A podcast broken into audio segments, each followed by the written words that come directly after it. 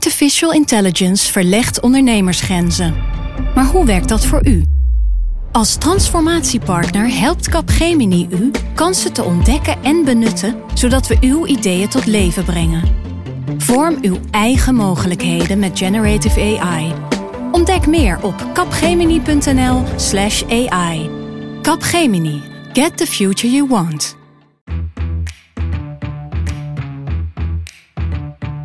Dit is Haagse Zaken van NRC. Mijn naam is Lemia Aharwai.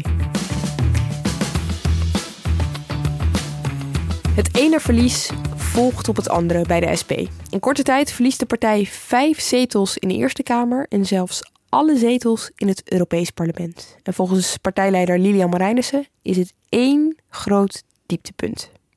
De partijleider Lilian Marijnissen zit hier. Is dit een dieptepunt? Ja, kun je wel stellen, ja. Ehm, ik heb afgelopen dag, uren veel SP'ers gesproken die heel grote teleurstelling voelen en veel pijn voelen naar aanleiding van de uitslag. Uh, je zegt terecht, na twintig jaar verdwijnt de SP uit het Europees Parlement. Nou, dat is een dieptepunt, zeker. En vandaag heeft Ron Meijer uh, in ons bestuur, het partijbestuur, te kennen gegeven dat hij daar uh, nou ja, een persoonlijk besluit over heeft genomen. En dat is dat hij zich bij de volgende verkiezing voor een nieuwe partijvoorzitter niet opnieuw uh, zal kandideren. In deze aflevering van Haagse Zaken duiken we in het verlies van de SP. Wat leidde tot het punt waar de partij nu staat?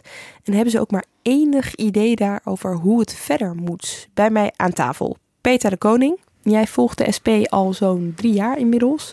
Uh, was ook afgelopen week bij de fractievergadering. De eerste na die teleurstellende uitslag uh, van het Europees Parlement. Vertel, hoe was het daar? Nou, ik was eerst even bij de PvdA langsgelopen. Daar stond een uh, grote slagroomtaart klaar voor de fractievergadering. En uh, een paar verdiepingen hoog bij de SP was het echt heel anders. Er was een, heerst een, eh, een grafstemming. Iedereen keek heel serieus. En uh, Lilian Marijnissen stond even de, ons te woord. En daarna gingen ze naar binnen. En ja, weet je, daar binnen is ook echt gehuild. De wonden zijn gelikt, zei iemand. En uh, weet je, je moet wel bedenken dat die Kamerleden die daar zitten... die zijn voor het grootste deel ook door Ron Meijer geselecteerd. Hè? Hij was de voorzitter van de selectiecommissie. Het zijn echt wel zijn mensen. Pim van der Dol is er ook. En Pim, jij kent de SP eigenlijk alleen maar in slechte tijden. Ja, ik wil geen oorzakelijk verband suggereren, maar sinds ik uh, sinds ongeveer een half jaar over de SP schrijf, uh, is de ene verkiezingsnederlaag inderdaad nog, nog groter eh, dan de ander. Het is dat je het zelf zegt. Uh, ja. ja. nee, dus dat is inderdaad uh, een periode waarin ze het heel, heel moeilijk hebben gehad tot nu toe. In maart bij de Provinciale Statenverkiezingen halveerden ze ongeveer qua stemmenpercentage van 12% naar een, naar een kleine 6%. nou, vijf van de negen Eerste Kamerzetels zijn daardoor verloren gegaan. Er zijn ze nu maar een redelijk kleine fractie. Ja, en daarna hoopten ze natuurlijk dat ze het tij voor de Europese verkiezingen nog een beetje konden keren hebben ze ook van alles voor geprobeerd. Maar dat is natuurlijk uh, ja, in ieder geval totaal, totaal niet gelukt. Dus deze uitslag, die, kijk, die nul zetels, die kwamen denk ik nog net iets harder binnen. Toch? Mm -hmm. Omdat het, ja, nul zetels is wel echt zo slecht natuurlijk. En als je trek je ook echt, je bent gewoon ja, geen factor meer. Precies, dus uh, ook het werk van de eurofractie daar uh, ja, is toch in, in, rook opgegaan na al die jaren. Dus nee, de toestand is echt desastreus. Partij heeft nu dus uh, twee nederlagen achter elkaar geleden. Ik wil het erover hebben, hoe komt het nou, Petra, dat het zo slecht gaat? De SP heeft zelf de neiging om de schuld vaak bij anderen te zoeken. Hè? Ze, bij de Europese verkiezingen wezen ze ook in eerste instantie meteen op de lage opkomst. Terwijl die hoger was dan andere keren. Je ziet dat de euro-enthousiaste partijen gewonnen hebben, eurokritische partijen verloren hebben. Dan kun je zeggen, Nederland is een grote fan geworden van de Europese politiek. Ik denk niet dat dat het geval is. Ik denk dat er iets anders aan de hand is. En dat zie je ook aan de eerste analyses die gemaakt worden. Dat mensen die kritisch zijn over Europa, cynisch geworden zijn over de Europese politiek, toch echt gewoon massaal niet zijn komen opdagen. Dit is Kamerlid Ronald van Raak van de SP bij Buitenhof. Het was de zondag na de verkiezingen. Dit is zijn eerste argument. En dan blijkt later dat dit niet helemaal klopt.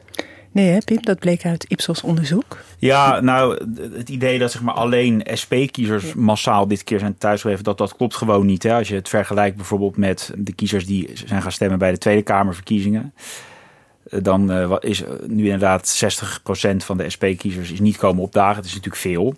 Maar het is niet veel meer dan bij andere partijen. Dus het gemiddelde lag bijvoorbeeld op 58 procent. 58 procent van de kiezers die bij de Tweede Kamerverkiezingen nog stemden, ging nu niet stemmen. Dus daar had de SP helemaal niet relatief meer last van. En het blijft natuurlijk ook inderdaad nog eens zo dat zowel bij deze Europese verkiezingen als bij de uh, provinciale statenverkiezingen in maart uh, de opkomst een stuk hoger lag dan de vorige keer. Uh, en de vorige keer scoorde de SP vele malen beter bij die twee verkiezingen. Dus ja, het opkomstargument is gewoon een beetje een raar, raar argument... Wat, waar ze zich toch niet echt achter kunnen, kunnen nee, verschuilen. in de SP was daar ook irritatie over hoor, bij anderen. Nee, ik, ik heb ook het idee, Peter, ik weet niet hoe jij het ziet... maar dat ze het ook gewoon zelf bij de SP gewoon echt niet meer zo goed weten. Hè? Dat dat ja. nu twee keer zo erg verloren. Ze zijn ook heel erg aan het zoeken naar inderdaad... hoe kan dit nou dat het zo, dat het zo slecht gaat? En viel mij ook op dat uh, Marijnissen deze week... dus bij die, die fractiebijeenkomst dan ook inderdaad zegt van... ja, het moet anders, maar hoe precies, dat weten ze ook nog niet... Dus ja, ze zitten daar ook zelf enorm met hun handen in het haar volgens mij van waar dit nou precies aan ligt. Ja, ze zitten echt aan de grond. Ze weten het gewoon even niet. Ja. Ja, dat blijkt ook wel uit een verklaring die ze zelf nog op hun, uh, op hun website uh, zetten. Dat was dus na dat optreden van uh, Ronald van Raak. En daarin schrijven ze, ondertekend overigens door Ron Meijer, toen nog partijvoorzitter, en Lilian Marijnissen, fractievoorzitter. Dat zoveel mensen niet stemmen is een enorm democratisch tekort. Dat is voor ons op geen enkele manier een excuus. Want wij zijn er niet in geslaagd om de terechte teleurstelling en begrijpelijke boosheid over de gevestigde orde te mobiliseren. We hebben niet de juiste snaar geraakt om mensen te overtuigen om voor ons te kiezen. Dat betekent dus dat we op zoek moeten naar betere manieren om dit te doen. Dus in die uren tussen Ronald van Raken en, uh, en uh, deze verklaring is er wel het een en ander gebeurd. Ja, en pas op die zondagavond bleek natuurlijk echt dat het nul zetels werden. Hè? Toen was het compleet. Definitief. Afgang. Ja. Er is daar dus meer aan de hand. Ik ben wel benieuwd, ik wil iets meer duiken in waar gaat het nou precies mis? Heeft dat bijvoorbeeld te maken met koers, Petra? Ja, dat denk ik zeker wel. Uh, ik denk dat die koers voor heel veel kiezers niet heel duidelijk meer is. Weet je, in de tijd, uh, in de vorige kabinetsperiode had je Sharon Gesthuizen, die uh, heel veel aandacht vroeg voor humane vluchtelingenopvang. Weet je, een ruimhartige vluchtelingenopvang. Je had toen ook wel een Kamerlid dat over arbeidsmigratie in Europa probeerde aandacht te trekken, maar dat, dat lukte hem eigenlijk nauwelijks. Het was veel meer dat, dat progressieve geluid van Sharon Gesthuizen dat de aandacht trok.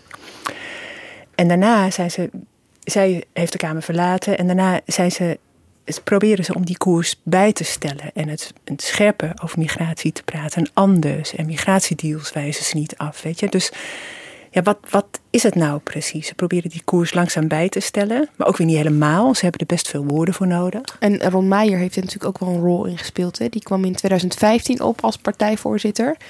En die is iets meer de kant op gegaan van Jan Marijnissen. We komen zo nog eventjes uh, uitgebreider op hem. Maar het ging meer weer terug naar de, nou, hoe moet ik het zeggen, de arme mensen. Uh, meer er zijn voor. Ja, voor de, voor, de, voor de buurten met mensen die zich in de steek gelaten voelen door de overheid. Weet je, die, uh, die zich bedreigd voelen door migratie en globalisering.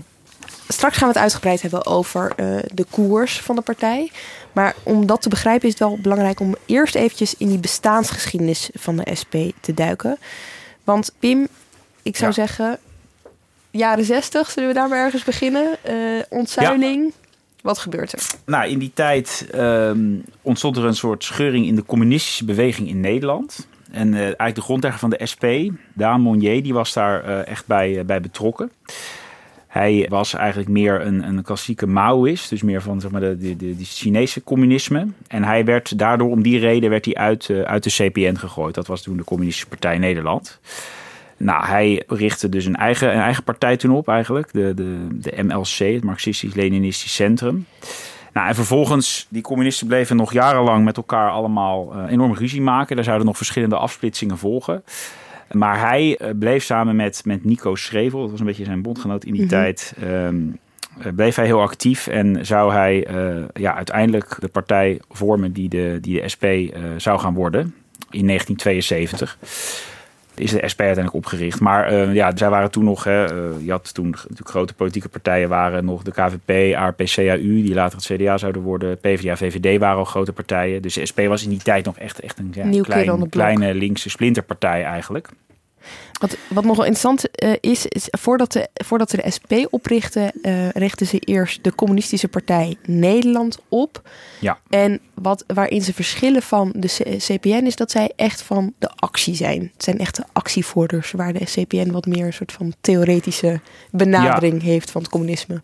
Ja, ja precies. Uh, Monnier, die ik net noemde, en nou ja, de, de voor, voorloper van de SP toen, die waren ook heel erg betrokken toen bij de havenstaking in Rotterdam. Dat ze de arbeiders daar gingen ondersteunen en, en voedsel gingen brengen.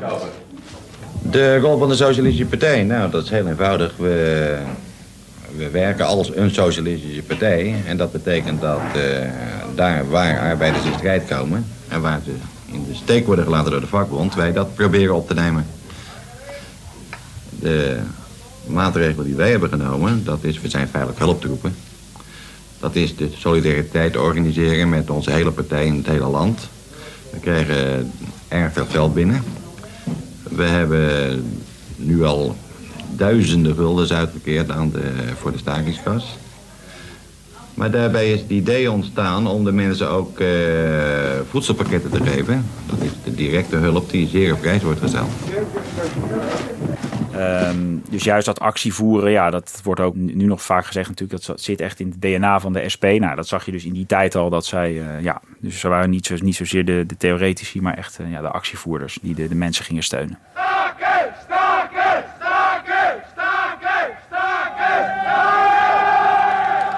Echt actie dus. En wat dan interessant is, is dat in 71 de naam opduikt in het partijbestuur van de KPN de Communistische Partij Nederland. En dat is dan Jan. Jan Marijnissen, ja, die raakt dan al, al betrokken bij de, bij de SP, inderdaad.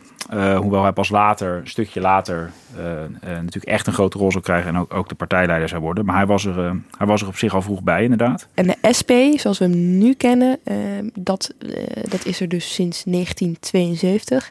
En we hebben het een ja. paar keer gehad over Mao. Hè. Dat is toch ja de basis ervan. En ik zie Zeker, naast jou, uh, wat heb je daar het, liggen? Uh, het rode boekje. Dat was ook um, in die tijd ook echt, zeg maar, kon je dat via het SP, kon je dat ook gewoon bestellen. Was dat ook te koop. Dat was echt uh, iets om, ja, trots om je. Als je hoofd te leren of in ieder geval je door te laten inspireren.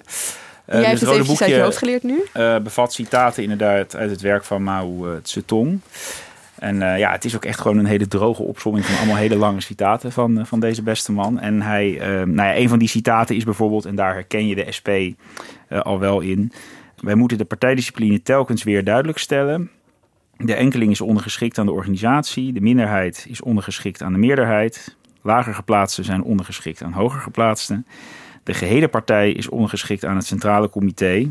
Wie deze discipline ondermijnt, ondermijnt de eenheid van de partij.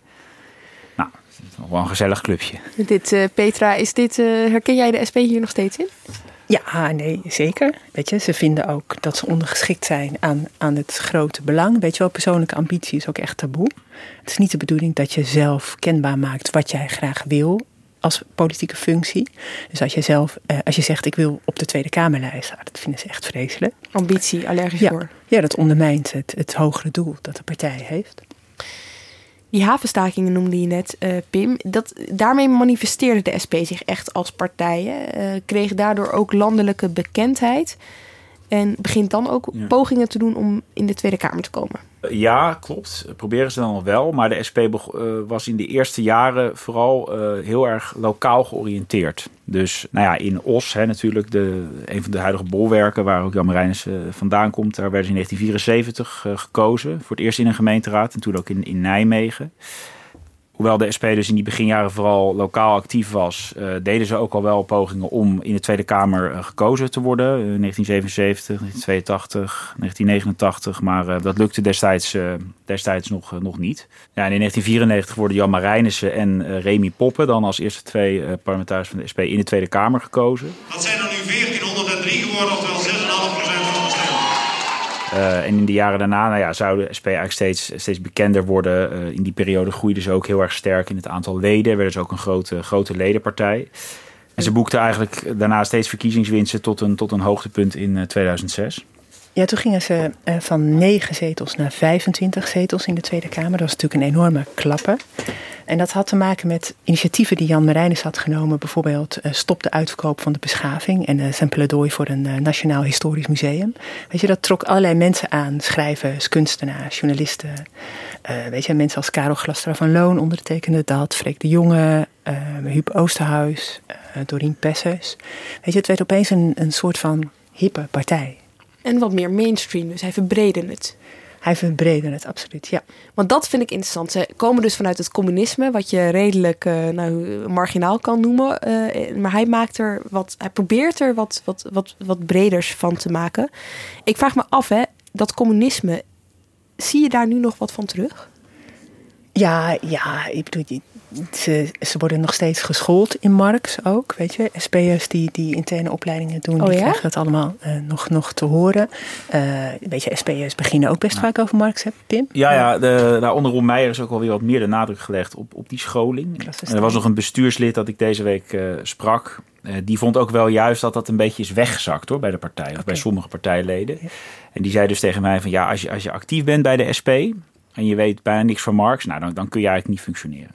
Je ziet het ook terug een beetje in de partijstructuur. Eh, toch, Pim? Eh, Ik bedoel, je zou kunnen spreken Ja. van nog wat communistische naschokken. Ja, nou ja, de, de, de partijraad, hè, dat is zeg maar het machtigste orgaan in de partij, waar alle besluiten worden genomen. Die, eh, nou ja, die, die, die lijkt soms nog wel eens een beetje op hoe dat ook in, de- in de Sovjet-Unie ging. Dus hè, vertegenwoordigers, afdelingsvoorzitters ja, afdelingsvoorzitters uit het hele land, die eh, komen dan naar de, naar de partijraad toe om, om eh, besluiten te nemen.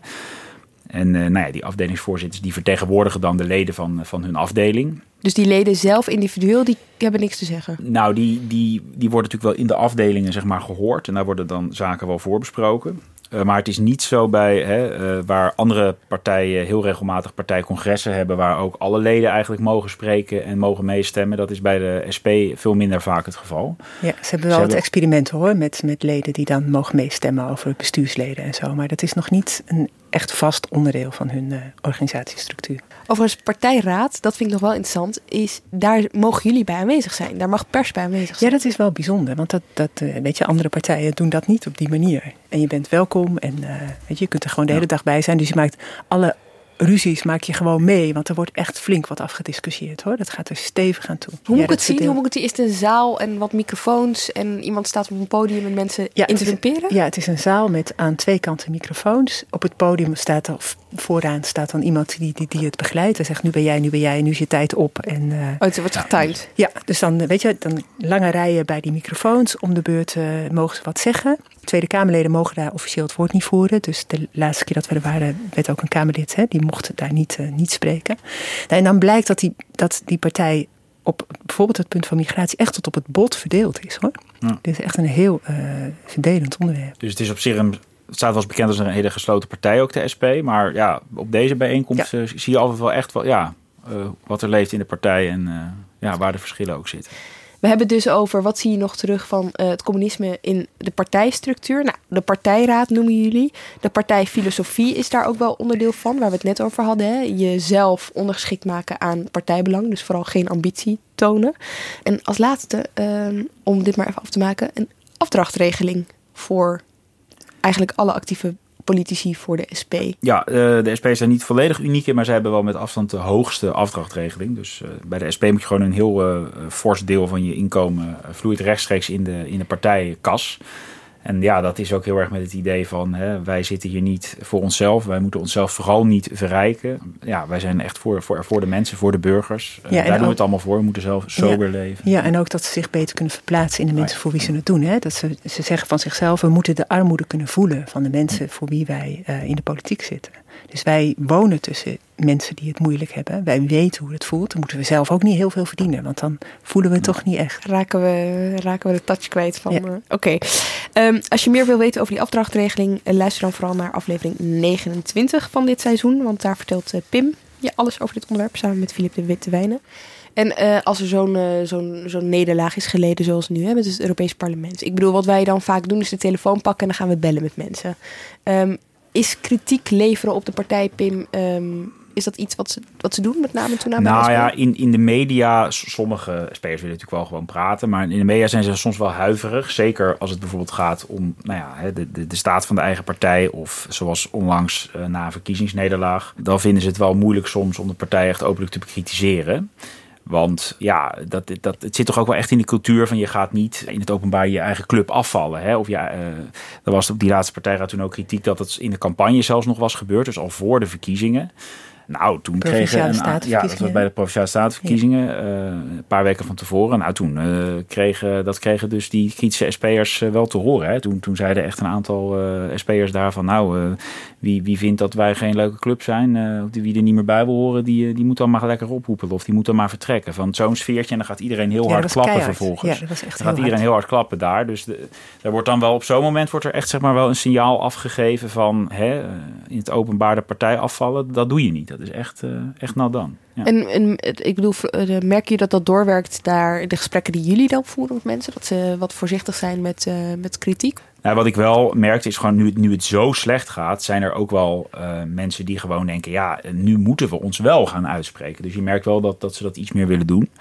En ik sprak uh, bijvoorbeeld uh, eerder deze week met Wilma de Mooi van de afdeling uh, Woerden. Die, die belde ik op over wat er volgens haar was misgegaan.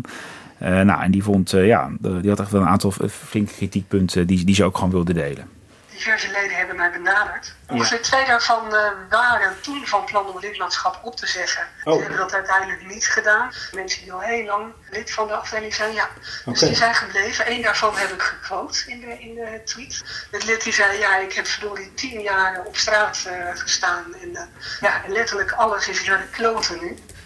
Uh, ja, de kritiek begon natuurlijk al voor het filmpje, hè? de filmpjes uh, met de Ferrari. Mensen herkennen zich niet in het beeld van wat daar wordt neergezet van de SP. Even uitleggen, het filmpje met de rode Ferrari, dat zal niet iedereen kennen? Nee, Lydia Marijnissen die had een, uh, een reeks filmpjes in de campagne voor de Provinciale Statenverkiezingen. Dat ze met, geloof ik, bekende Nederlanders was het met name, in een Ferrari ging rijden. En dan gingen ze het over allerlei uh, dingen hebben. Nou ja, maar vooral die, die, ja, die, die Ferrari, dat begrepen dan heel veel SP'ers ook gewoon niet. Hè? Waar we het net over hadden, die sobere partijcultuur. En je verplaatst ze juist in de gewone man. Ja, dan gaat opeens de SP-leider in een Ferrari rondrijden. Dat vonden dus echt heel veel SP'ers heel erg raar. En dat, uh, nou, dat vonden ze dus al niet geslaagd. En wat Wilma de Mooi net zei, ja, toen kwam eh, Hans Brusselmans daar nog even overheen. Ja, Hans Brusselmans, dat is dus het welbekende campagnefilmpje waarin uh, Frans Timmermans uh, flink op zijn nummer wordt gezet door de SP. Wat ik wel interessant vind hieraan, Petra, is toen Ron Meijer aantrad, toen zei hij: Ik ga dit op een kier zetten. Ik wil het mogelijk maken voor de partij om kritiek te gaan leveren. Nou ja, deze mevrouw durft dat aan bij jou aan de telefoon, Pim. Maar zou je zeggen dat zijn woorden. Heeft hij er echt werk van gemaakt? Wel een beetje. Kijk, hij, hij besefte toen wel dat 41% niet op hem had gestemd. Mm -hmm. hij, hij zei toen zelf in een interview met ons te lopen karresporen door de partij. En uh, het is aan mij om, om die partij hè, weer bij elkaar te brengen, om daar een eenheid van te maken. Dus hij nam zich wel voor om, om kritiek toe te laten, discussie meer toe te staan, om, om te werken aan een experiment van one man, one vote. Dat, meant dat leden echt actief betrokken werden bij beslissingen. Maar ja, weet je, het ging wel heel voorzichtig. En hij was ook wel beducht voor dat een partij die zo gewend is aan discipline en, en je mond houden voor de goede zaak, dat die dan opeens al een vrijheid zou krijgen. Dat er van alles naar boven zou kunnen komen wat niet beheersbaar is. En het blijft zo hoor, dat als SP'ers zich in de media dus kritisch uiten, dan krijgen ze gewoon telefoontjes ja. van het partijkantoor. Ja. Dat, dat, dat gebeurt gewoon. Ja. Um, ook in deze campagne weer met het Hans Brusselmans filmpje, daar, daar kwamen ook, en dat was best opmerkelijk, ook weer midden in een campagne verschillende SP-afdelingen openlijk in het verzet. Hè, zeggen van, oh, dit moeten we niet doen, dit, is, dit hoort niet bij ons. En uh, nou, toen was ook een van die afdelingen direct gebeld van, hey, willen jullie dat statement verwijderen? Heel open zijn ze wat dat betreft nee. niet, uh, nog niet geworden. Dit kan ook komen door een soort van loyaliteitsgevoel aan de partij en al helemaal aan de leider bijvoorbeeld. Ik bedoel, maar dat is, heel, dat, dat is er dus heel sterk. Hè? Want wat, wat, wat ik zeer opvallend vond deze week uh, in alle reacties ook op uh, Ron Meijer, is dat ja, wij gingen de dag na zijn aftreden rondbellen. En de meeste mensen die wij spraken, onze eerste vraag was ja, is het nou eigenlijk terecht dat Ron Meijer is afgetreden? Hè? Vier verkiezingsnederlagen op rij. Maar ja, de meeste mensen die wij spraken zeiden nee, ja, maar nee, Ron had van ons niet weggehoeven. Want ja, Ron staat toch in allerlei opzichten voor ja, hoe, het, hoe, hoe, hoe we het als SP wel moeten aanpakken. En, en dus ja, de, het geeft volgens mij aan hoe, hoe ja, op een hoog voetstuk die, die, die leiders staan. Of het nou de partijleider is of de partijvoorzitter. Maar en ook heel erg het idee hè, dat je met z'n allen faalt. Ja. Dus dat je als club faalt. Dus, dus niet dat niet één persoon verantwoordelijk is. Moet worden afgerekend. Ja, maar toch wordt je echt als partij Meijer, faalt. Uh, ja. geofferd. Tenminste, hij, hij treedt niet meteen zelf, af. Hè. Hij, hij stelt nee. zich gewoon niet opnieuw verkiesbaar in nee. oktober. Maar dat is dus echt zijn, zijn persoonlijke besluit. Dat, dat blijkt ook wel. Want hè, wij hebben vanuit het partijbestuur in die vergadering... hebben andere bestuursleden hem geprobeerd over te halen om het niet te doen. Hè. Dus om niet weg te gaan. Dus ja, het geeft wel aan dat... Uh, dat dit echt zijn eigen keuze is geweest. Dat hij, dat hij dacht dat dit nu in het belang van de partij was. Ja. En dan vraag je je natuurlijk meteen af: oké, okay, hij neemt zijn verantwoordelijkheid. Maar uh, als, er, als je het hebt over twee handen op één buik, dan is Lilian Marijnissen die andere hand. En zij uh, geeft aan: ik ga niet opstappen. Je zou zeggen, de partijleider die stapt op als misgaat.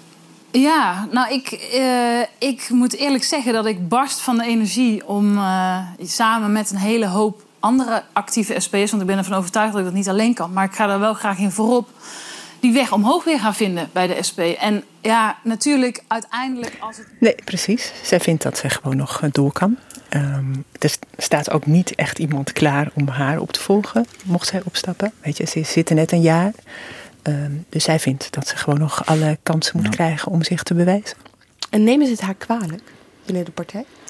Nou, maar ik denk, Pim, ik weet niet wat, wat jou, uh, hoe dat jou opviel. Maar ik denk dat het ook dit verlies veel meer op Ron Meijers konto wordt geschreven dan op haar konto. Ja. Omdat hij de campagne leidde. uh, ja, ja, in dit geval natuurlijk. Hè. Ja. Meijer was ook een van de bedenkers van dat, uh, dat omstreden filmpje.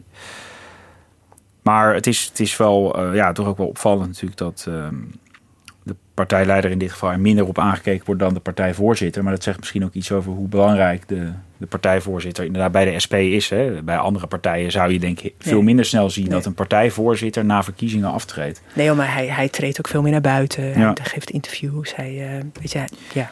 Ja, ik probeer een vergelijking te trekken eh, met, eh, met andere partijen. Hè. Als je twee nederlagen na elkaar eh, leidt, die heel groot zijn. De tweede leidt dus tot echt een vertrek uit het Europees Parlement. Dan gaat die vertrouwensvraag vraag wel opspelen van... Hè, eh, kan deze leider het nog wel aan? niet dat de gemeenteraadsverkiezingen eerder ook niet goed waren gegaan. Hè? Precies. Ik bedoel, eh, ik ben wel op zoek Lilian naar een soort... heeft alleen maar verliezen meegemaakt. Nou ja, dat dus. Ja. Eh, is er een soort van grens? Weet je, stel nou dat het met de eerstvolgende Tweede Kamerverkiezingen ook slecht gaat.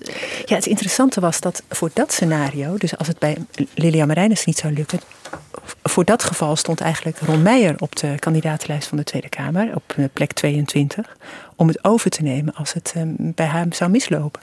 Maar ja, hij is nu, hij is nu weg, dat kan niet meer, weet je. Zij gaat echt wel gewoon blijven, denk ik, de komende tijd. Maar ik weet niet wat jouw inschatting is. Dat, dat de komende tijd sowieso wel. Ehm, En wie kijk, ze heeft gewoon nog wel veel krediet. Inderdaad, als je mensen spreekt dan die zeggen, ja, ze is. eh, ze vinden ook eh, dat zij ook niks verkeerd doet. Ja, zoals ze heel vaak vinden dat ze zelf dus niet zoveel verkeerd doen. Maar ja, je hoort maar weinig SP'ers die zeggen, ja, Lilian Marijns doet, het niet goed. Hè. Eh, Ze vinden dat ze het best wel in de Kamerdebatten best wel goed doet. Hè. Bijvoorbeeld wel, wel beter dan, dan Emiel Roemer hiervoor deed. En ze wijzen er ook vaak op dat ze natuurlijk nog maar anderhalf jaar partijleider is met toevallig heel veel verkiezingen die daar niet zo goed liepen. Maar Ja. ja, ja, er is toch nog wel veel steun eh, voor haar om het even, om het nog even nog één keer, in ieder geval nog één keer richting de nieuwe Tweede Kamerverkiezing, zeg maar, te, om zich te bewijzen. Wat ook nog opvalt, hè? kijk, wij journalisten duiden het als een nederlaag. Hè? Eh, SP'ers zelf geven jullie aan, balen er in sommige opzichten ook van. Maar dat geldt dus niet voor iedereen binnen die partij. Eh, Pim, jij vertelde over een afdelingsvoorzitter die het niet zo erg vond. Nee, ja, die vond het vooral een probleem inderdaad ehm, dat Meijer in dit geval heel erg werd eh, afgerekend op verkiezingsuitslagen. Want eh, de SP is natuurlijk een politieke partij. Ze willen allemaal dat ze het ook goed doen bij verkiezingen. Alleen het, het parlement Oeh, zien ja. eh, veel SP'ers meer als zeg maar, een extra middel... waar ze de strijd die ze op straat voeren zeg maar, afmaken. Dus of je nou, ja, als je zetels verliest bij verkiezingen is dat vervelend. Maar dat is niet het enige of soms niet het belangrijkste. Maar dat is een beetje, zijn een beetje eh, wel ja, hele eh, rechtlijnige activistische SP'ers hoor. Die dit dus zeggen. Zoals die eraan, eh, Daan Brandenbarg die ik sprak uit Groningen. Maar die zeggen, ja, parlement, dat is helemaal niet het belangrijkste voor ons. Die, die sprak ook over het gemankeerde Europees parlement in Brussel. Hè, dat hele Brussel, die bureaucratie daar, dat vinden ze natuurlijk eigenlijk maar niks. Daar, daar is een SP'er helemaal niet op zijn, op zijn plek om daar te zijn. Maar waar ligt dat dan wel? Is dat dan, want zij doen heel veel aan eh, straatwerk. Hè? Zij Ja, gaan echt eh, de deuren langs. Kloppen, hè? kloppen heet dat aan de deuren. Kloppen. Horen wat de zorgen Ah, zijn dus van eh, mensen. eh, bij mensen Oplossingen aanbellen en met ze, met ze praten. Maar, maar meer dan dat, hè, ook echt grote acties proberen op te zetten om eh, iets in de maatschappij gewoon te Ja, veranderen. Om, om het kleine stapjes. te houden in de buurt of schimmelwoningen aan te Ja. pakken. Weet je wel, echt hele concrete zorg van mensen op te lossen. Hè? Dat is Ja, precies. Eh, en ook al eh, ja, zijn het dan kleine stapjes of maak je het maar iets beter, een klein beetje beter voor mensen. Ja, dat, dat maakt juist een groot verschil, vinden zij. Dat is waarom ze het ook doen, waarom ze ook een socialistische partij zijn. Niet alleen maar om zetels te halen en beleid te, te Maar wel met als uiteindelijke doel om de, het systeem Tuurlijk, ja. te veranderen. Gewoon de, de, de hele maatschappelijke systeem moet op zijn kop. Kijk, je kan zeggen wij, eh, wij pakken het op deze manier aan. We willen de echte zorgen van mensen, daar willen we achter komen. Maar ja, dat doen ze dus ook eh, zonder dat het campagne is. Dat doen ze gewoon op een eh, Ja. zaterdag ergens eh, midden in het jaar. Zeker. Maar het levert niks op. Dus je kan ook zeggen, ehm, Ja. het is voor niks. Of ben ik dan heel cynisch? Ja, ja nee, het, het, het, het lijkt er nu wel echt helemaal op. Weet je, Eh, Lilian Marijnissen zei eind vorig jaar in een interview met ons, weet je, eh, ik, ik ga de tijd nemen om het op te bouwen. En uh, de SP moet groeien in politieke relevantie. Ja, ik, weet, ik weet niet precies hoe ze dat nu ziet, maar dat, ja, weet je, ze, ze denken op lange termijn. Ook al betaalt het zich niet uit, wat ze horen deur aan deur, daar doen ze wel iets mee. En een goed voorbeeld daarvan is de campagne van 2017 voor de Tweede Kamerverkiezingen. Emiel Roemer was toen nog partijleider. En midden in de campagne sluit hij de VVD uit. Toen een van de grootste partijen in de peilingen. En regeren met de VVD, dat nooit. De verschillen zijn domweg te groot. Ja, hoe komen wij met zo'n partij ooit dan tot een, eh, tot een compromis... Wat, uh, wat je kunt uitleggen aan de bevolking en waar je voor staat? Dan kun je beter voor de verkiezingen open en eerlijk zijn en zeggen... dat haalt niks uit. Je weet nu met een stem op de SP wat het waard is. En ik roep andere progressieve partijen op om dat ook te doen. Ze hadden aan de deur gehoord dat de afkeer van de VVD heel groot was. Dus ze dachten, weet je, daar, daar gaan we een, een punt van maken. Dat gaat kiezers aanspreken. Dat gaat onze kiezers aanspreken ja, later was het heel ongemakkelijk voor ze. Want ze moesten elke keer nee, nee, nee zeggen. En uh, weet je, ze gingen een coalitie voorstellen met het CDA. En uh, dat werd aan alle kanten belachelijk gemaakt. Dus toen hebben ze ook gezegd dat het achteraf gezien geen handige campagnezet was. Ze hadden er een beetje spijt van. Ja, ze hadden er spijt van. Ja. Maar in gemeenten zijn ze dus wel uh, mee gaan besturen, Pim. Hè? meer dan eerder ook wel. Ja, nou, zeker. In, in het Boksmeer van Roemer zijn ze toen in het uh, lokale college gegaan. Ook met, met VVD en CDA notabene. Ja. Dus echt met, uh, ook met rechtse partijen juist gaan samenwerken.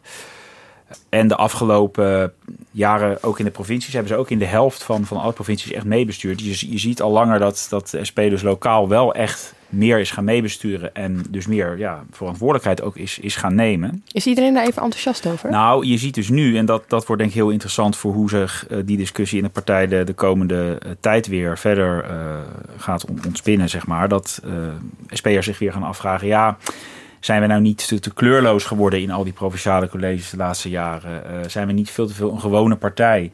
Die, die met drie anderen in een college zit en dan uh, ja, een heel klein beetje invloed heeft. Ja, te braaf, uh, zo te, noemde ja, Jan te braaf, te gewoon, niet meer anti-establishment.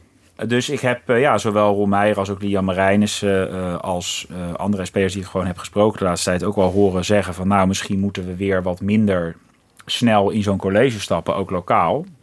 En moeten we het echt alleen maar doen als we echt het verschil kunnen maken. Dus als we echt de SP-stempel kunnen drukken. Dus bijvoorbeeld een heel links college dat echt een totaal ander beleid kan voeren. Dan moet de SP vooral nog meedoen.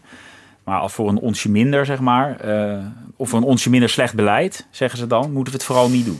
Dus je ziet daar een heel uh, uh, bijzondere ontwikkeling wel. Hè? Eerst was het SP was echt een tegenpartij, stem tegen, stem SP. Roemer wilde aan dat imago iets doen, weet je, die wilde wel meedoen. Hij was ook heel trots op dat de SP meebestuurde langs de hele A2 en zo. Hm. Dat zei hij ook vaak. Weet je, nu komen ze daar weer van terug. Het is wel een soort van zwabberende koers natuurlijk. Oké. Okay. We weten nu in ieder geval wat meer over de partijcultuur en over met wie ze niet willen samenwerken. Laten we het eens hebben over wat de partij wel wil. Als we het hebben over hoofdthema's, uh, Pim, ik bedoel, waar associeer jij de SP mee qua thema's? Nou ja, wat we al zeiden is natuurlijk hè, de, de strijd tegen het rauwe kapitalisme, tegen mm -hmm. het neoliberale systeem. Dat is natuurlijk wat je, wat je altijd wel weer hoort terugkomen. Meer dus, concreet dus in de vorm van marktwerking bijvoorbeeld. Ja, marktwerking in de zorg natuurlijk bestrijden. Uh, voor uh, belastingverhoging voor grote bedrijven natuurlijk. Uh, multinationals op die manier aanpakken.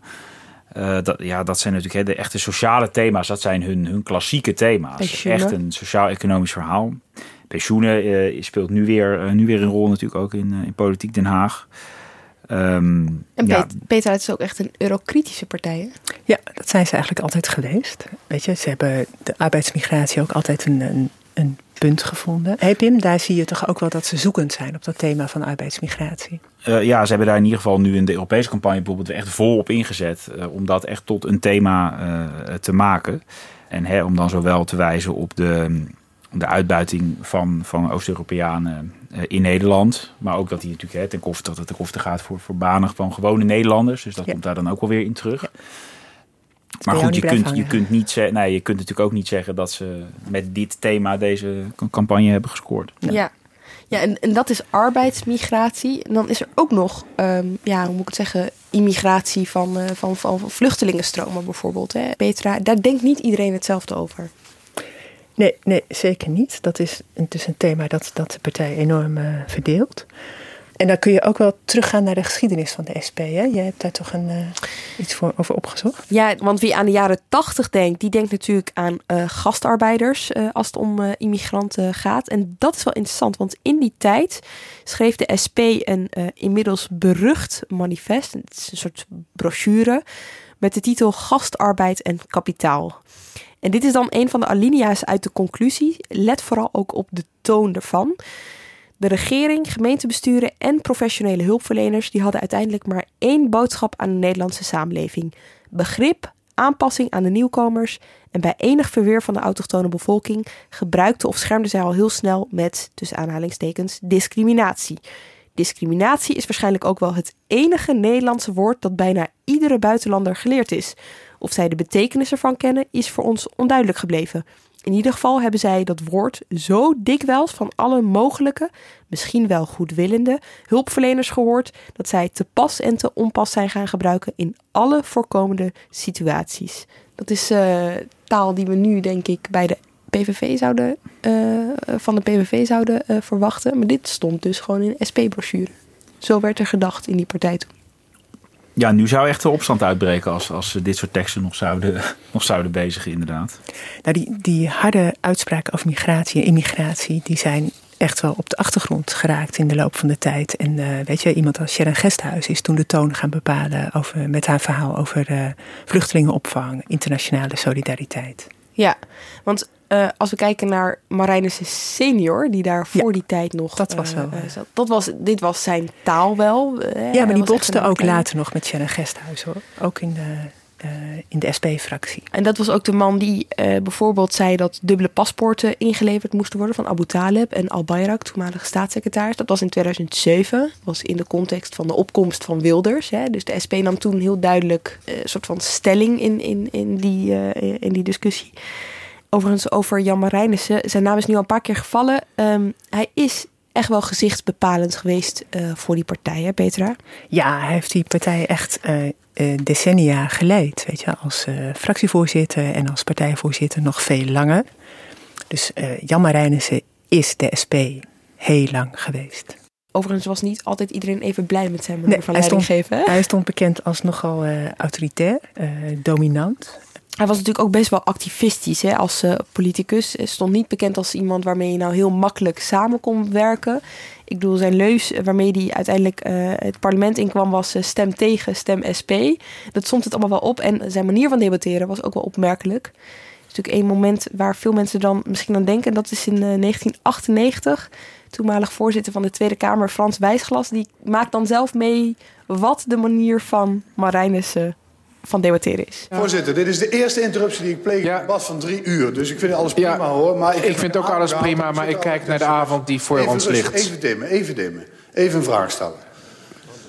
Ja. Nee, meneer Marijnissen. Uh, ik wil de staats... Meneer Marijnissen, ik zou u iets willen zeggen. Als degene die op dit moment uh, in deze functie zit... wordt het niet gewaardeerd wanneer u zegt even dimmen tegen de voorzitter. Dus ik zou u willen vragen dat terug te nemen. Ben ik absoluut niet van plan. In, in deze tijd zouden wij even dimmen nog zien als iets heel uh, beleefd, denk ik zomaar. De taal die in de Kamer gebezigd wordt. Maar goed, Marijnissen die maakt die partij uh, groot, is ook wel het gezicht van de SP. Maar goed, treedt af in 2008 na vier hernia's te hebben gehad. Ik bedoel, uh, hij treedt ook af vanwege gezondheidsredenen. En dan? Petra? Ja, dan neemt Agnes Kant het over in 2008. Uh, maar in 2010 zijn dan de gemeenteraadsverkiezingen en die vallen enorm tegen voor de SP. Weet je, en het, het, lukt Agnes Kant ook echt niet om in de voetsporen van de grote Jan Marijnissen te treden. Ik bedoel, dat iedereen ziet dat het, een, uh, dat het er echt niet makkelijk afgaat. En dat ze zit daar niet op de plek. En in de Kamer staat ze ook wel bekend als iemand die een beetje verbeten overkomt. Hè? Die altijd een beetje schreeuwerig ja. bij die interruptiemicrofoon staat. Daar is ook niet iedereen even van gediend. Nee, zeker. Uh, dat komt niet echt fijn over.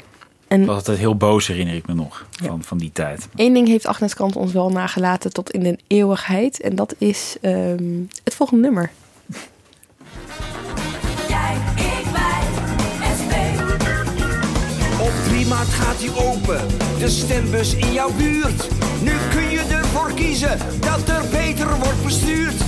Dus pak dat rode potlood, voeg je daad bij het woord. Zodat in de gemeenteraad je stem echt wordt gehoord.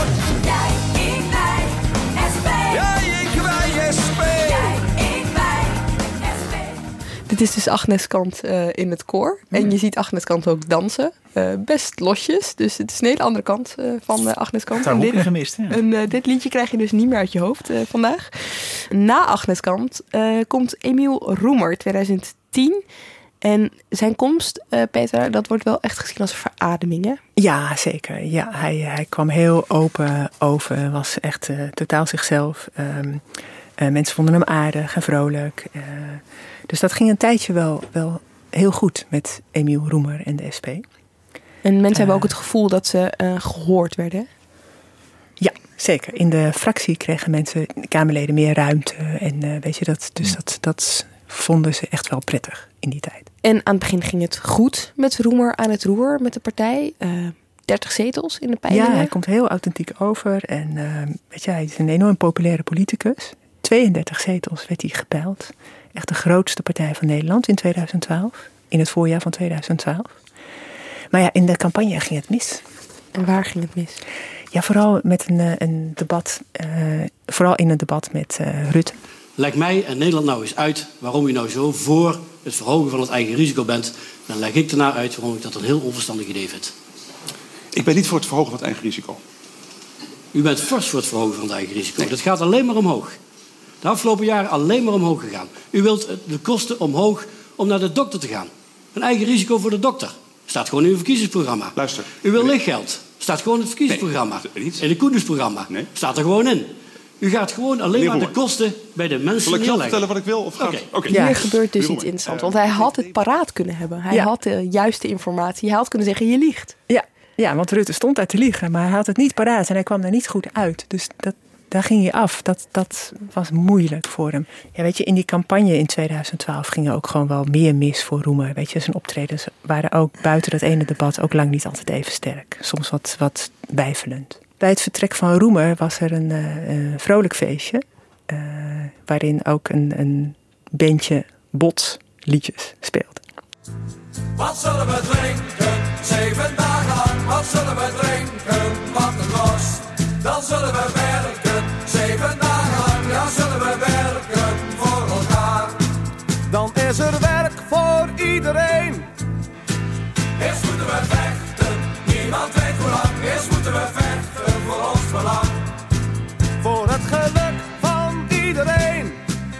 Dus vechten we samen, samen staan we sterk, ja vechten we samen, niet alleen. Zeven dagen werken, samenwerken, maar eerst moeten we vechten met z'n allen. Dat is de SP, hè? Met z'n allen vechten voor één doel. Cool. Oké, dus die grote overwinning onder Roemer, die blijft uit.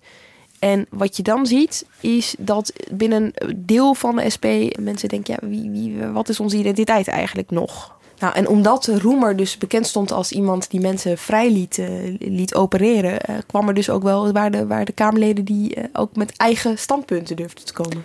Ja, die naar voren kwamen met weet je, verhalen over internationale solidariteit. En weet je, mensen als Saret Karabulut kregen veel aandacht. Naast Sjerre Gesthuizen, dat waren twee twee handen op één buik eigenlijk. Die dacht, stonden er hetzelfde in. Dus weet je, toen Ron Meijer het overnam, was er een heel deel van de partij die dacht van ja, weet je, het beeld van onze partij is te onduidelijk geworden. We zijn op te veel op GroenLinks gaan lijken. We zijn echt een elitaire partij geworden. Ja, wat dat betreft ook wel opmerkelijk dat Gesthuizen na haar vertrek dus inderdaad naar GroenLinks Precies, is ja. overgestapt. Ja, een bevestiging voor deze mensen dat, dat, dat ze dat goed hebben gezien. Ja, maar er ontstond dus een soort van, hè, wie zijn, waar, waartoe zijn wij op aarde? Zeker. En toen uh, Roemer opstapte, gebeurde er ook wel wat interessants. Want Karabulut, die gooide zich in de strijd om het lijsttrekkerschap. Ja, zij wierp zich op als kandidaat om hem op te volgen, uh, samen met Lilian Marijnissen. Mm -hmm. Het bijzondere daarvan was wel dat Lilian Marijnissen al een aantal weken wist dat Roemer zou gaan opstappen en Karabulut niet. Dus dat was wel een soort voorgekookt, uh, voorgekookte overstap. Zij wist dus al dat ze kon zich al helemaal voorbereiden op dat, op dat uh, fractievoorzitterschap. Karabulut moest dat in één avond beslissen en een verhaal bedenken en uh, zich kandidaat stellen in de fractie. Dus helemaal eerlijk is dat niet gegaan. Ja, en het werd toen dus ook uiteindelijk het werd Marijnissen. Ja. Karabulut bleef ook wel gewoon in de fractie. Ja. En nu zit Lilian Marijnissen daar dus als fractievoorzitter. En um, ik ben wel benieuwd, we hebben nu een paar koerswijzigingen uh, besproken. Waar staat zij eigenlijk? Wat wil zij met de partij? Haar verhaal is het verhaal van Ron Meijer van de afgelopen jaren. Weet je wel, opkomen voor die mensen in de arme buurten die zich bedreigd voelen. Het cultureel conservatieve verhaal is ook haar verhaal. Dus weer terug naar die klassieke SP-standpunten. Ja, zeker. En Saadet Karabulut staat eigenlijk weer gewoon veel meer voor dat verhaal van, uh, van het andere deel van de partij. Voor internationale solidariteit, ja, gelijkheid, duurzaamheid. Ja. Nou, bij de discussie over migratie zie je binnen de SP nu wel iets unieks uh, gebeuren. Er is een uh, groep kritische leden die zichzelf ook de groep noemt. Die sinds vorig jaar zomer bij elkaar komen en proberen om nou ja, de partijkoers over migratie dus weer meer naar links, eigenlijk meer pro-vluchtelingen voor een humaan asielbeleid bij te sturen. En dat doen ze door uh, nou ja, bij afdelingen langs te gaan, door contacten te leggen binnen afdelingen die daar dus op die partijraad over meebeslissen. Dat lobbyen ook, uh, eigenlijk. Ja, eigenlijk het lobbyen om, ja, om echt de partijkoers uh, weer bij, bij te stellen. En dat hebben ze ook geprobeerd dus om het Europese verkiezingsprogramma dus op dat vlak wat, wat aan te passen. Uh, is nou ja, dat is, uh, nee, dat is er dus net niet gelukt. Het gaat een beetje ver, maar op één, één wijzigingsvoorstel wat zij dus uh, probeerden weg te, weg te krijgen, dat, ehm, nee, daar houdt iets van 40% van de stemmen, dus net niet gelukt. Oh, dus maar wel een aanzienlijk ja, deel. Aanzienlijk deel. Het geeft dus weer aan hoe, hoe erg die partij dus op dit vlak verdeeld is. En, en, en, die groep die blijft, uh, die blijft nu ook doorgaan. Dus zij zagen dat niet als een soort eindpunt. En zij zullen zeker nu de komende periode weer willen gebruiken om richting dit nieuwe partijcongres, uh, om weer ja, zich ook echt in die ideologische discussie te, te gaan mengen. Maar ik denk dat zij ook deze verkiezingsnederlaag als een bevestiging van hun eigen gelijk zien. Hè? Dat de partij ja. juist die kant op moet. Ja, ja precies, precies. Dus zij, zij zijn echt een groep die dus helemaal niets ziet in dat de SP een soort van rechts opschuift en zich strenger gaat opstellen op het gebied van migratie. Zij denken van daar heeft de SP niks, niks te winnen, want dan vervreemd je alleen je linkse kiezers eigenlijk van je. En uh, ja, rechtse kiezers uit de, uit de achterstandswijken, die, die gaan wij toch niet bereiken, want die stemmen wel op de PVV of, de, of, de, of Forum. Want toen Marijnissen begon, ze probeerde zichzelf neer te zetten, Pim, met een uh, reden voor de rechtvaardigheid. Daar was je bij? Dat was in Rotterdam? ja, dat klopt. Dat was inderdaad was ze wel inmiddels denk ik ruim een half jaar bezig. Mm -hmm. Maar goed, toen probeerden ze zich inderdaad na, in de aanloop naar de verkiezingen van dit jaar weer, ja, de SP weer een nieuw, nieuw profiel te geven. En dat concentreerde zich eigenlijk weer vooral toch op die sociaal-economische rechtvaardigheid hoor. Daar probeerden ze weer ja, meer aandacht aan te geven. En uh, het klimaat hoorde daar ook heel nadrukkelijk bij. Dus dat was, is voor de SP ook altijd een beetje een lastig thema geweest. Of daar hoorde je ze nooit zo heel veel mm -hmm. over. Maar uh, die klimaatrechtvaardigheid zat ook heel erg in die, die speech van haar toen uh, verweven. Opmerkelijk was overigens daar weer aan dat migratie in die, in die toespraak juist weer helemaal eigenlijk een soort van ondergesneeuwd was of een beetje verdwenen was. Um, maar goed, die rechtvaardigheid was een soort woord ja, wat, wat allerlei verschillende thema's moest, moest verbinden. Het moest op allerlei vlakken moest het rechtvaardiger worden uh, dan het nu is onder het kabinet uh, Rutte 3. Dat was een beetje het verhaal uh, waarmee zij eigenlijk ja, haar leiderschap wilde, wilde gaan neerzetten toen. Maar ja, het is ook dat, weet je, die, die speech inderdaad trok niet zoveel heel veel aandacht van het. het uh, dat is volgens mij inderdaad een van haar problemen tot nu toe. Dat ze gewoon niet zo heel erg duidelijk uh, met bepaalde thema's in het nieuws weet te komen of in de Kamer zich weet te, te profileren. Het een beetje van alles en nog wat is en ze ja, dat ze niet zo wel. opvalt. Ja, ze probeert het natuurlijk wel. In ja. de Kamerdebatten doet ze het, vind ik, echt wel beter dan Emiel Roemer, die daar soms met zijn mond, uh, met zijn mond vol tanden stond. Ja, ze valt ook niet op. Bedoel, en het, is, het, het, had, 2018 had ook echt wel een oogstjaar kunnen zijn voor haar, weet je, met uh, failliete ziekenhuizen. De ingrediënten hè, als, waren er. Ja, als bewijs voor de, ja. uh, het failliet van de marktwerking in de zorg ook. Maar dat is niet, weet je, dat, dat hebben ze wel geprobeerd, maar dat is niet het belangrijkste verhaal geworden voor hen.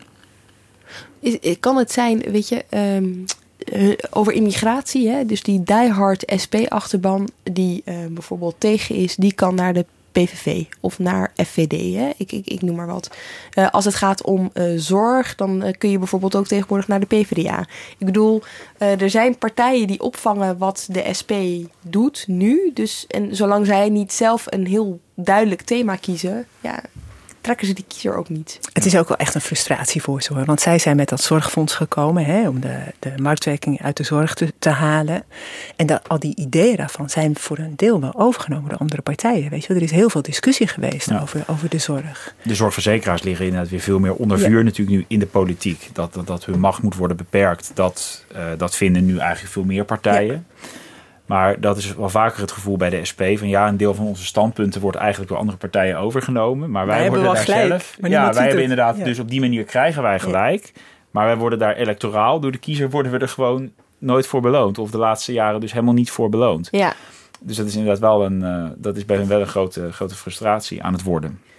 Oké, het lukt ze niet om te verzilveren. We hebben het nu eh, zelf ook mee kunnen maken met deze afgelopen twee verkiezingen.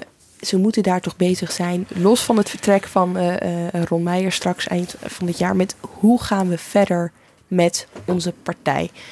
Eerste vraag is, Ron Meijer en Lilian Marijnissen, dat waren dus, die werkten veel samen. Wat betekent dit vertrek van Meijer voor Marijnissen? Want nu moet ze echt helemaal zelf haar verhaal gaan maken. Ja, nu moet ze bewijzen wat ze waard is als leider van de partij. De vraag is dus of er echt. Ja, of zij nu ook het aandurft om echt een soort koerswijziging zelf in te zetten. Of dat ze inderdaad ruimte laat nu voor de partijen om daarover in ieder geval te gaan discussiëren. Dat is wel wat je, wat je nu veel hoort, dat SP'ers heel behoefte hebben aan... oké, nu gaat nu, we zitten nu op zo'n dieptepunt qua eh, kiezersgunst... dat laten we nu maar allemaal tegen elkaar vooral gaan zeggen wat we ervan vinden... en het echt weer met elkaar goed gaan hebben over ja, het verhaal dat we willen gaan, gaan uitdragen. Dus in de aanloop naar het volgende partijcongres... waar ook de nieuwe voorzitter gekozen zal worden... wordt er ook opnieuw gepraat over het beginselprogramma van de SP. Nou, Mhm. dat is natuurlijk bij uitstek een moment hè, om de ideologische, het ideologische debat ook weer, weer te voeren. Eh, en dan, ja, dan zou je best eh, kunnen krijgen dat je nog hele felle discussies weer terugkrijgt over migratie, waar we het over hadden. Eh, over ja, of de SP op andere punten de koers moet aanpassen. Het is eigenlijk een hele fundamentele discussie, hè? Want ze moeten weer gaan kijken naar wat zijn onze kernpunten, waartoe zijn wij op, eh, op aarde. Ja, precies. Dat is precies zoals een SP'er het van de week eh, tegen mij zei. Daar moeten we, dat moeten we nu gaan bedenken. Waarom zijn we er? Wat is onze boodschap? Wat is ons verhaal? Wat willen we? Oké, Ron Meijer, die is dus straks weg. Hebben we enig idee wie straks de nieuwe partijvoorzitter wordt van de SP? Nee, we gaan wat, wat namen. Eigenlijk niet. Nou ja, het is eigenlijk nog totaal onduidelijk. Dat Ja. zegt, eh, zegt ook wel veel. Ja. Maar eh, dat sluit ook wel aan bij eh, wat we eerder zeiden... dat ambitie tonen niet gebruikelijk is. Ja, Dus, nee, ja. dus ja, daar gaan wel wat ja. namen van Kamerleden rond... die Ja. dat misschien goed zouden kunnen. Wie bijvoorbeeld? Eh, nou ja, bijvoorbeeld een Ronald van Raak eh, is natuurlijk al een oud-gediende bij de partij. Bart van met wel Kent. gezag. Peter Quint. Ja, Sadet Karabulut zal het misschien niet willen zelf. Maar die zal misschien wel door sommigen worden hè, die dat wel zouden willen of zou graag zouden zien. Dus ja, dat zijn zo wat namen. Oké, dat komt dus allemaal op het eerste eh, volgende partijcongres. Tot die tijd eh, is er een partij, de eerstvolgende partij rijdt dus eind juni ergens? Ja, 22 juni. Oké, en tot die tijd dus eind juni een heel erg spannende partijraad. Ja, daar zal de, verkiezings, de dramatische verkiezingsuitslag worden geëvalueerd. Dus eh, dan zal het wel, er wel weer hard aan toe gaan, ook onderling, vermoed ik. Dank jullie wel, Petra de Koning en Pim van den Doel. Dank ook voor eh, het luisteren. Volgende week zijn we er weer. Tot dan. Je hebt aardig wat vermogen opgebouwd. En daar zit je dan, met je ton op de bank. Wel een beetje saai, hè? Wil jij, als belegger, onderdeel zijn van het verleden of van de toekomst? Bridgefund is een slimme fintech die een brug slaat tussen de financiële behoeften van ondernemers en van beleggers. Dus wie belegt bij Bridgefund krijgt niet alleen een mooie vaste rente, maar brengt ook ondernemers in beweging. Echt waar, met die ton kan je zoveel betere dingen doen. Bridgefund. Make money smile.